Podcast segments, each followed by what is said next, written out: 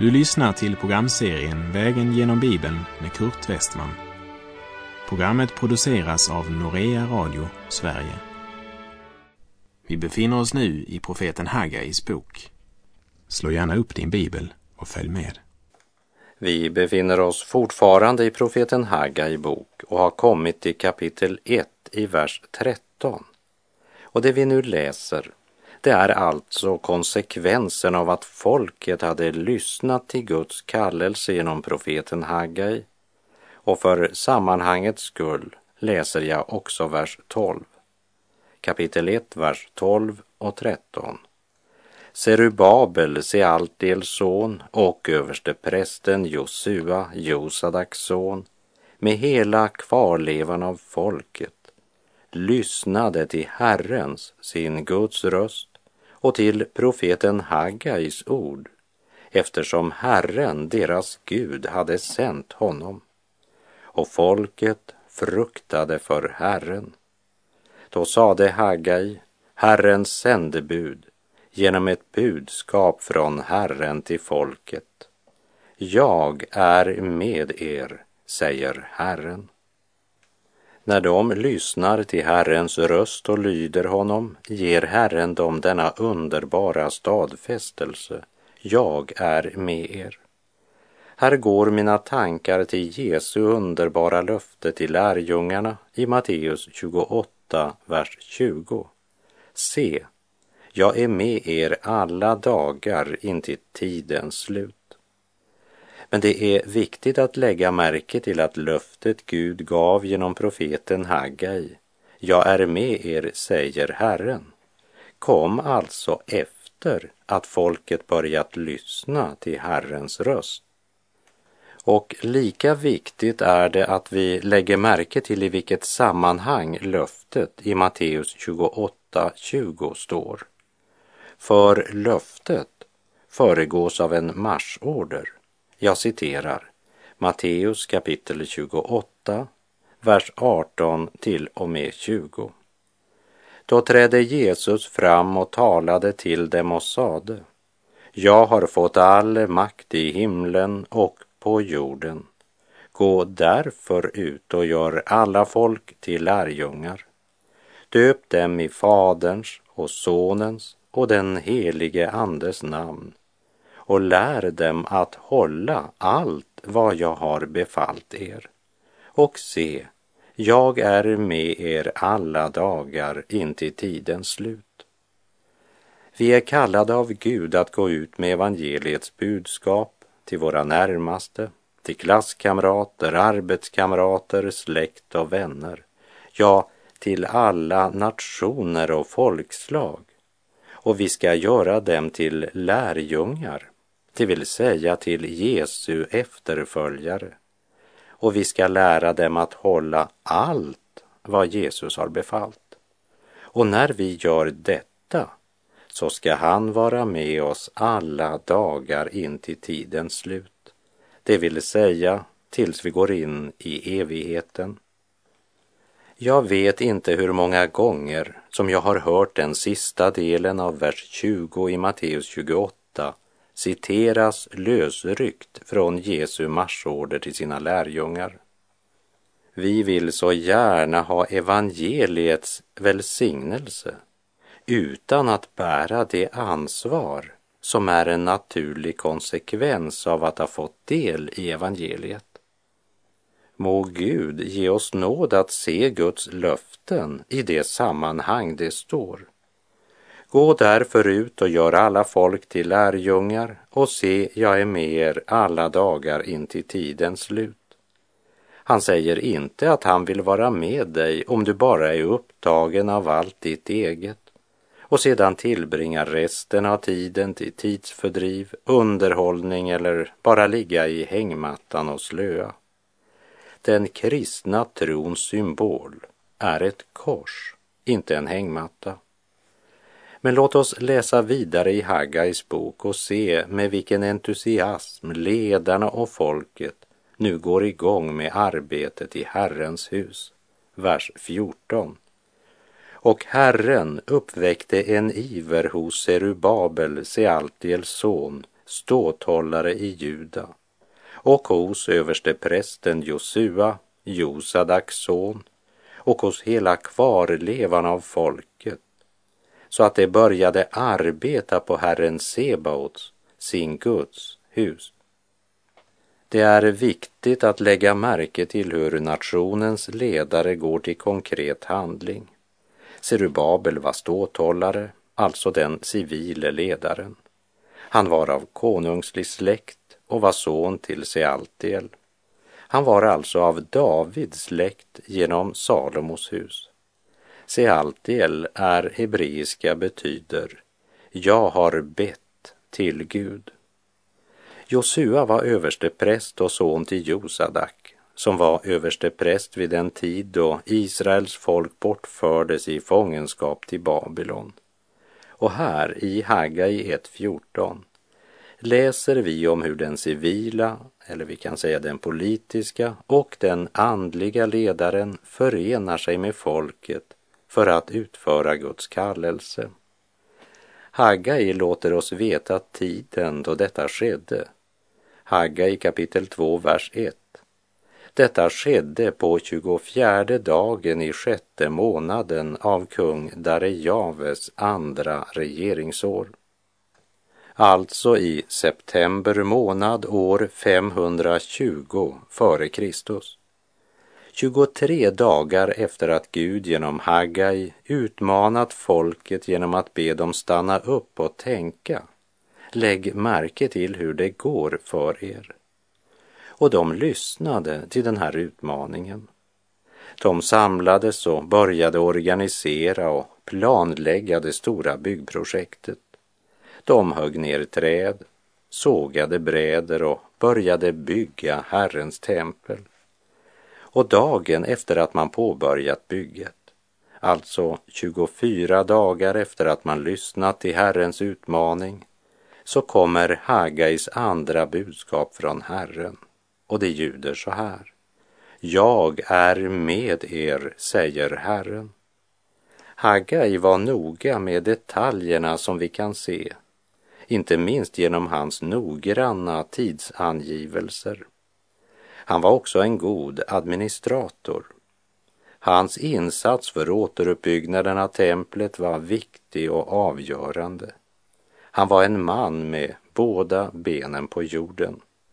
Och uppenbart så hjälpte han även till rent praktiskt med arbetet och under hela arbetets gång inspirerade och uppmuntrade han dem i deras arbete och resultatet skulle bli underbart. Deras verk behagade Gud och Gud blev ärad genom detta och det hela började med en man sänd av Gud.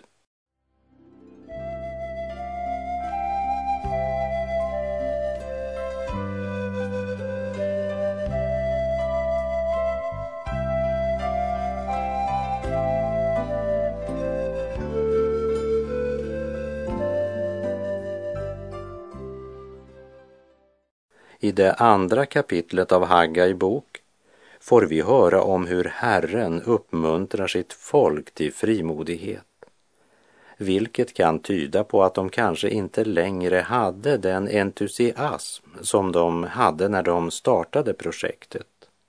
Det är ju alltid lättare att starta än att fullföra. Speciellt om man försöker leva på gamla minnen från fornstora dagar och glömmer att Gud är densamme idag. Det gäller bara för oss att vara i Guds vilja så att det inte är våra egna projekt vi driver.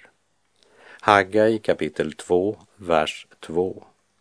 I sjunde månaden på tjugoförsta dagen i månaden kom Herrens ord genom profeten Haggai, han sade Lägg märke till att det här budskapet kom i sjunde månaden. Förra gången Gud talade och bekräftade jag är med er, det skedde i sjätte månaden. Så nu har alltså arbetet med återuppbyggnaden pågått i cirka en månad. Och då kommer Herren med denna fråga, vers 3 och 4.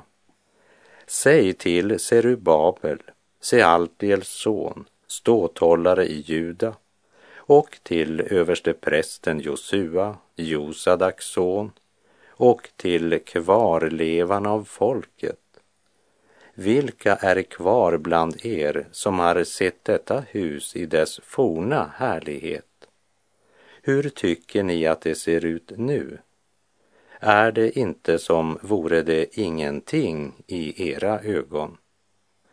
Många av de som återvänt från fångenskapet i Babylon kunde, även om de var mycket unga den gången, komma ihåg det storslagna och magnifika tempel som Salomo låtit bygga.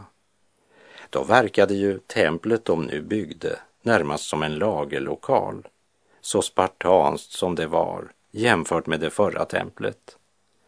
Även om Salomos tempel inte var särskilt stort så kunde de minnas alla utskärningar, utsmyckningar, silvret, guldet och all marmor och alla juveler. Men vi ska än en gång rikta vår uppmärksamhet mot tidpunkten för detta, det tredje budskapet från Herren genom Haggai, nämligen sjunde månaden på 21 dagen i månaden. Om vi jämför denna datum med vad vi läste i tredje Mosebok kapitel 23 om Herrens högtider och de heliga sammankomster, där det från vers 34 talas om lövhyddohögtiden som skulle firas i sju dagar och som började på den femtonde dagen i månaden och på den åttonde dagen firades en högtidssamling. Så den 23 dagen måste vara den dagen efter denna stora högtid. Bygget var ju bara påbörjat och det måste ha verkat eh, ganska spartanskt för de som varit med och firat denna högtid i Salomos tempel den gången. Så reaktionerna var nog ganska blandade kan man tänka. Och Esra bok ger oss lite mer bakgrund för vad som hände den gången. Jag citerar Esra 3, verserna 8 till och med 11. I det andra årets andra månad efter att det kommit till Guds hus i Jerusalem sattes arbetet igång av Serubabel, Sealtiels son, och av Jesua, Josadaks son och de övriga bröderna prästerna och leviterna och av alla dem som kommit till Jerusalem från fångenskapen.